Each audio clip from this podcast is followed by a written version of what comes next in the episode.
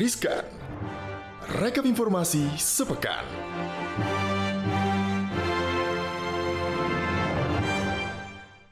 Sobat Cuan Hai, Sobat Cuan. Apa kabar Sobat Cuan? Selamat hari Jumat Ya, Besok hari semoga- Sabtu ya Harus betul kak. Semoga apa? Semoga, Semoga apa? pada sehat semua nih kak. Amin Pastinya ya Karena kan Yap, yap. kita sekarang masuk musim hujan maksudnya Dan kemarin hujan kan seharian ya Betul betul. Jadi ya Sobat Cuan semoga selalu dalam kondisi sehat-sehat ya Amin, amin. Ketemu lagi bareng Maria dan Gali di Riskan Rekap informasi sepekan. Yes, diawali riskan hari ini ya. Kemarin baru update nih BI rate naik lagi 50 basis point. Jadi in total uh, untuk BI 7 days reverse repo rate sekarang di 5,25 persen. Naik lagi nih, Kak. Di, naik lagi 50 basis point. Ya seperti yang kita udah pernah ngobrol-ngobrol banyak nih di konten-konten podcast yang lainnya bahwa memang kalau kita mengacu kepada stance-nya The Fed yang masih hawkish, masih akan naikin suku bunga, kayaknya ya Bank Indonesia juga ngekor ke sana.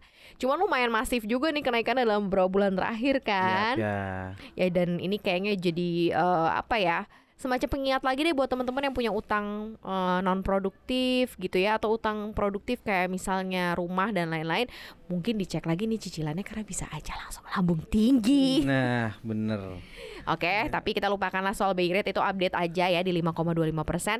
Kita punya serba-serbi G20 nih, Asik. karena semuanya hampir rata-rata beritanya dari perhelatan besar G20 yang G20. diselenggarakan di Denpasar atau di Bali yang nggak di Denpasar sih di Pulau Bali nih dalam dua minggu terakhir ini. Apa nih yang pertama nih Gal? Oke, jadi kemarin itu eh, sempat beredar video yang viral di medsos nih kak, di mana Presiden Cina Xi Jinping menegur Perdana Menteri Kanada Justin Trudeau di sela-sela KTT G20 Bali. Wow, Itu padahal ada- lagi rapat besar betul, ya. Betul, betul, Kak. Nah di video berdurasi yang satu menit itu kak, Mm-mm. eh, seperti yang dibagikan oleh akun Twitter @mm85 pada hari Rabu 16 November 2022. Mm-mm. Nah di video itu Xi Jinping menunjukkan rasa tidak senangnya terhadap sikap Trudeau yang dianggap membocorkan pembicaraan mereka kepada media. Apaan sih kayaknya esensial nih ya. Tapi kan emang kalau di perhelatan besar meeting-meeting kenegaraan gitu kan selain ada meeting besarnya kan masing-masing kepala negara pasti pada ngobrol Ada dong ngobrol, satu sama Kak. lain. Nah, Iya. PM Curhat-curhat Kanada gitu ya. bener. Nah, ini PM Kanada nih curhat masalah ini ke Xi Jinping di KTT G20. Dia menegaskan dengan gestur kecewa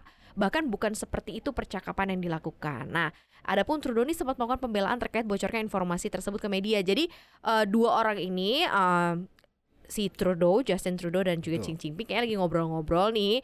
Kayaknya ngobrol-ngobrolnya juga mungkin belum selesai kali ya, Iya, tapi ternyata betul, ini termention oleh Trudeau ke media gitu dan kayaknya agak-agak loh si Ciwi bilang kok kayak gitu gitu dan sempat ada statementnya katanya itu nggak sopan katanya ya Namun, Xi memotong kata-kata Trudeau tersebut dengan mengatakan bahwa mereka perlu menyamakan Hmm. persepsi kembali nih kak.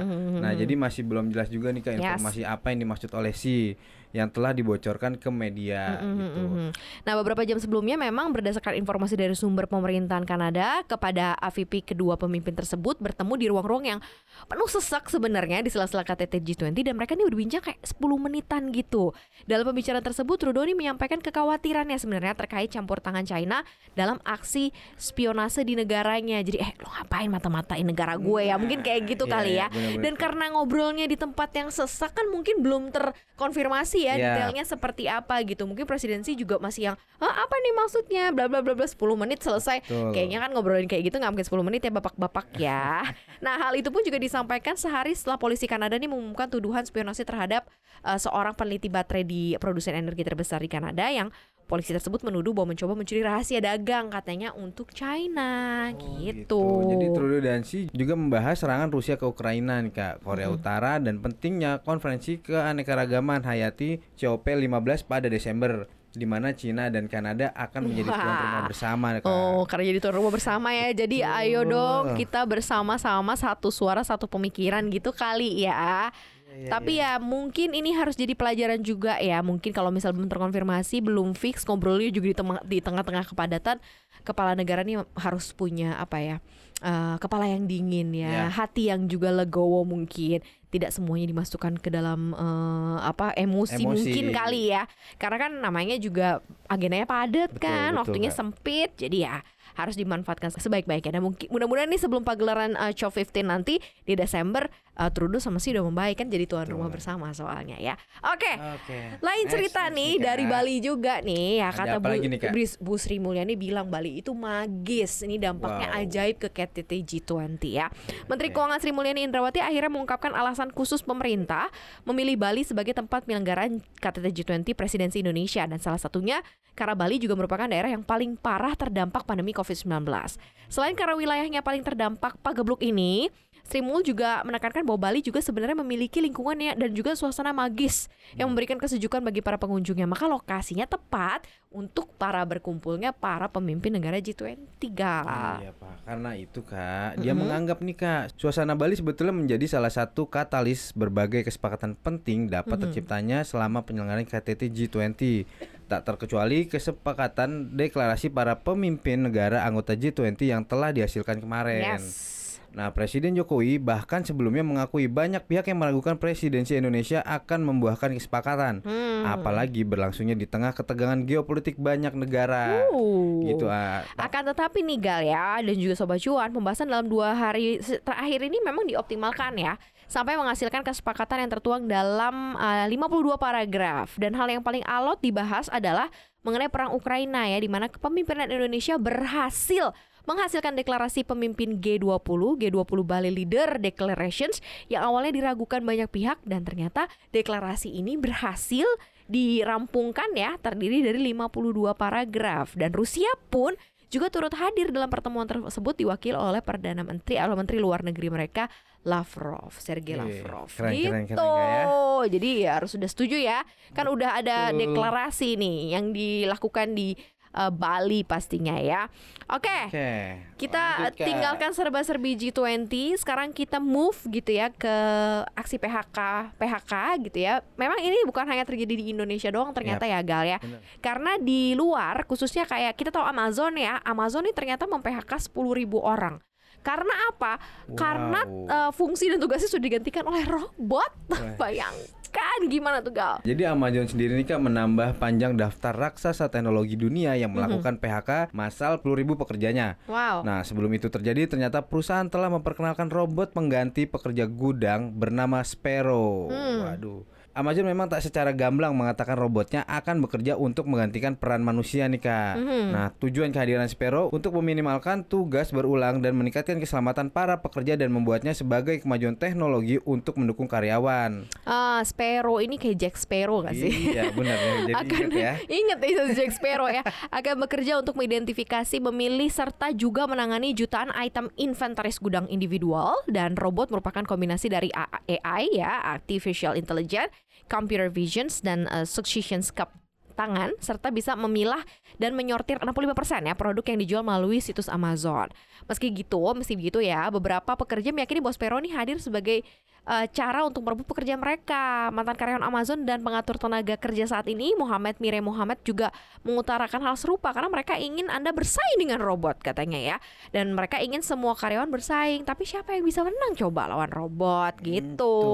Kak. Nah, selain itu Kak, kritikus mengatakan kebanyakan otomasi akan mengorbankan posisi manusia di dalam perusahaan. Hmm. Nah, alih-alih menyediakan pekerjaan yang berkualitas tinggi dan mengatasi krisis keselamatan yang diciptakan di gudang dan di jalan, Amazon justru berinvestasi dengan cara memaksimalkan keuntungan yang merugikan pekerja. Hmm, Nah, oke. sebenarnya bukan kali ini aja nih Kak Amazon meri- merilis robot Kak. Jadi perusahaan sudah memasukkan robot dalam tenaga kerjanya sejak 2012. Mhm. Nah, hingga kini udah ada nih 520 ribu unit penggerak robot secara global yang Oh, wow. melakukan berbagai tugas di gudang.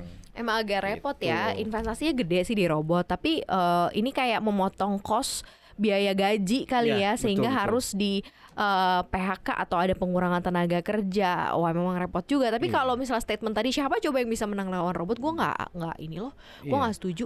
Karena kan robot kan buatan manusia gitu. Nah, Iya. seharusnya manusia lebih terdepan, walaupun Betul. memang robot itu eh, diciptakan oleh manusia untuk bisa mengerjakan hal-hal yang lebih berlipat kan, lebih Ya, daripada lebih manusia kan. manusia. Jadi kayak ini enggak sih kayak semacam uh, pisau bermata dua, Dua. gitu diciptakan tapi akhirnya banyak manusia yang juga tidak bisa punya Betul. pekerjaan itu Tapi ya agak kalau misalnya juga. emang diganti nama robot kan ada biaya untuk maintenance-nya apa memang betul-betul lebih murah gitu kak? Kayaknya mereka ya? udah ini sih, kayaknya mereka memang udah menghitung. Jadi kalau Hmm. misalnya biaya, misalnya robot ini diciptakan untuk lima tahun, lima tahun rusak, kayaknya mereka udah punya juga. hitung-hitungannya semuanya ya. Hitung-hitungannya dengan biaya layoff karyawan, dengan beli robot di lima tahun Ya. kemudian, kayaknya mungkin masih jauh lebih cuan. Ya, ya, Ketimbang ya, harus ya. bayar gaji karyawan selama lima tahun ke depan, sepuluh ribu loh karyawannya yang di PHK. Ya semangat ya teman-teman yang saat ini mungkin sedang mengalami kondisi layoff ya, semangat, semangat, semangat, semangat. Semangat. Harus dengar konten podcast kita yang lainnya supaya semakin semangat ya. Oke, dan nggak cuma masalah soal robot-robotan ya dan dan uh, kondisinya terjadi di para buruh ya atau pekerja. Ini nih startup ya juga lagi uh, repot nih untuk cari pendanaan karena investor sekarang udah nggak royal lagi nih, udah nggak jor-joran lagi ngasih dana ke startup. Waduh, maksudnya gitu. gimana tuh kak? Jadi dulu nih kalau kita lihat kan startup teknologi kan bisa terbang dengan bebas ya, pendaya, Mhm. pendanaannya pun juga mudah didapat ya. Namun era uang muda easy money udah berakhir dan perusahaan atau para pengusaha nih diingatkan untuk bersiap. Dia menambahkan tahun lalu ada tim kecil bisa dapetin 6 juta dolar dari pendanaan awal yang menjadi tanda berlebihan dalam kesepakatan usaha. Nah, soal valuasi perusahaan hari ini uh, Pozas nih hanya menyatakan bahwa hal tersebut uh, terjadi sesuatu untuk investor yang peduli dengan kapan berinvestasi dan mencairkan keuntungan investasinya. Dia juga menambahkan jika yang terjadi tahun lalu ini tidak sama dengan tahun ini. Oh gitu. gitu, Kak. Jadi kak eh, kenaikan suku bunga, inflasi tinggi dan prospek penurunan ekonomi global berdampak pada valuasi perusahaan teknologi swasta. Mhm. Nah, The Fed dan sejumlah bank sentral lain menaikkan suku bunga serta mengembalikan pelonggaran moneter era pandemi sebagai cara mencegah inflasi yang melonjak. Hmm. Nah, inilah yang membuat saham perusahaan teknologi ambles dan mempengaruhi startup yang mengumpulkan uang dengan valuasi lebih rendah. Stripe dan Klarna jadi beberapa perusahaan yang mengalami penurunan valuasi tahun ini yakni 28% dan 85%. Di Nah, sisi lain ya, investor juga mengatakan bahwa eh, masih belum menemukan landasan eh, menentukan berapa sebenarnya kenaikan dari biaya modal. Nah, PHK masalah yang dilakukan oleh perusahaan teknologi seperti kayak Meta, Amazon ya tadi kita baru singgung ya. Kemudian eh, beberapa perusahaan lainnya, nah menurut CEO Seons, Tamas Kadar, setiap investor nampaknya mencoba opsi tersebut pada perusahaan yang ada dalam portofolionya. Jadi ya Oh, kayak oke. mungkin nggak di startup A ke startup B, nggak ternyata startup E nggak ber- B nggak berhasil, berhasil, ke C ya. gitu. Investor kan juga uh, pikirannya cuan nggak sih Betul, gitu betul, ya. Kalau misalnya dari sisi startup yang ini dari sisi industri yang agak kurang Agak masuk kurang, cuan ya pasti namanya. langsung move ke ya. Ya namanya investor kan duitnya banyak bebas aja. Bebas. Investor mah bebas ya kan. kayak kalau uh, kayak orang-orang yang udah fenomenal nih bebas aja mau lelang sendal tua aja laku kejual 3,1 M. Wah, sendalnya siapa Iya, tuh kak? Sendalnya Steve Jobs, you know. Tau gak sih Birkenstock uh, apa namanya Arizona milik pendiri Apple ya, uh, pasang sendal Birkenstock. Tau kan Birkenstock tuh ada ya searching lah ini ini, ini sendal, sendalnya sendal common common common biasa orang dimiliki ya sepasang sendal Birkenstock Arizona ini milik pendiri Apple Steve Jobs ini dilelang uh, secara daring oleh rumah lelang uh, Julian's Auctions di mana sandal berbahan kulit suede coklat yang merupakan salah satu peninggalan Jobs uh, tersebut terjual 200 ribu dolar atau sekitar Wih. 3,1 miliar rupiah.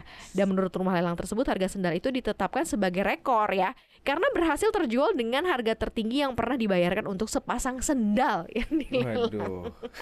Gokil. Gila ya. Nah, sebelum penjualan nih Kak, rumah lelang California mengatakan sandal ini dipakai oleh Jobs dalam waktu yang lama antara tahun 1970-an Hmm. hingga 1980-an. Mhm. Jadi banyak storynya Kak, makanya mahal kali Kak ya. Jobs sendiri meninggal pada tahun 2011 akibat komplikasi nigal an- Ah. kanker pankreas dan Birkenstock atau sendalnya ini nih diselamatkan dari sampah oleh Mark Schiff. Jadi Waduh. Mark Schiff ini melihat gitu ya, dia ma- mantan manajer rumah Steve Jobs nih ngelihat ini ada sendalnya Pak Steve Jobs nih di tong sampah gitu ya. Iya, iya, iya, Diselamatin deh. Nah, jadi eh, dilelang dan hasilnya sampai 3,1 miliar. Nah, di Oktober tahun lalu sepasang sepatu Nike Airship yang dikenakan oleh legenda iya. bola basket Michael Jordan juga terjual 1,47 juta dolar ya. Ini Wow. juga memecahkan rekor harga penjualan tertinggi untuk sepasang sepatu Keds yang pernah dilelang Waduh, gitu. Sendal butut udah masuk tok sampah, diambil, Diambil dilelang, lagi, harganya dilelang. 3,1 M karena lu itu fenomenal Ya. gitu. Jadi sebenarnya kalau untuk meningkatin uh, value sebuah barang dan eh, harganya bukan hanya kalau kita mikirin compounding investasi ya, tapi kalau lo jadi seseorang yang punya eh, pola pola pemikiran yang cukup fenomenal itu bisa bikin apa pun yang terkena apa apa pun yang lo pakai bisa, Bisa. cukup eh, Bisa meningkatkan harga ya bervalue Betul, ya betul, ada added value-nya ya. keren deh pokoknya keren, ya. keren, Oke Sobat Cuan thank you banget udah dengerin kita hari ini. Semoga Sobat Cuan selalu senang untuk menikmati akhir pekannya pastinya. Jangan lupa untuk dengerin konten podcast kita lainnya di mana aja. Jadi jangan lupa dengarkan terus konten-konten menarik kita lainnya di podcast cuap-cuap cuan di Spotify, Apple Podcast, Google Podcast, dan Anchor. Jangan lupa follow akun Instagram kita di @cuap underscore cuan Dan subscribe YouTube channel kita di cuap cuap cuan. Di like, di share, dan juga di komen. Jangan lupa juga untuk nonton tayangan podcast-podcast kita lainnya Yang ada di CNBC Indonesia TV Betul itu. Oke Sobat Cuan, semoga informasi-informasinya yang berharga ini bisa menjadi semangat amunisi untuk Sobat Cuan di pekan ini ya. Thank you udah dengerin kita. Maria Makasih, pamit. Gali pamit. Happy weekend. Happy weekend, Sobat Cuan.